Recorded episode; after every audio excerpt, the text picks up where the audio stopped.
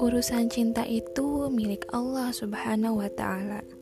Cinta itu yang membolak-balikan adalah Allah. Ketika telah tumbuh pada hati seorang anak Adam dan telah tumbuh pada hati seorang kaum Hawa, sesungguhnya tidaklah bertengger rasa cinta pada hati manusia, kecuali pertama kali itu adalah dari Allah. Kenapa Allah menumbuhkan cinta? Karena Allah ingin menguji Apakah cinta bisa mendekatkan kita kepada Allah?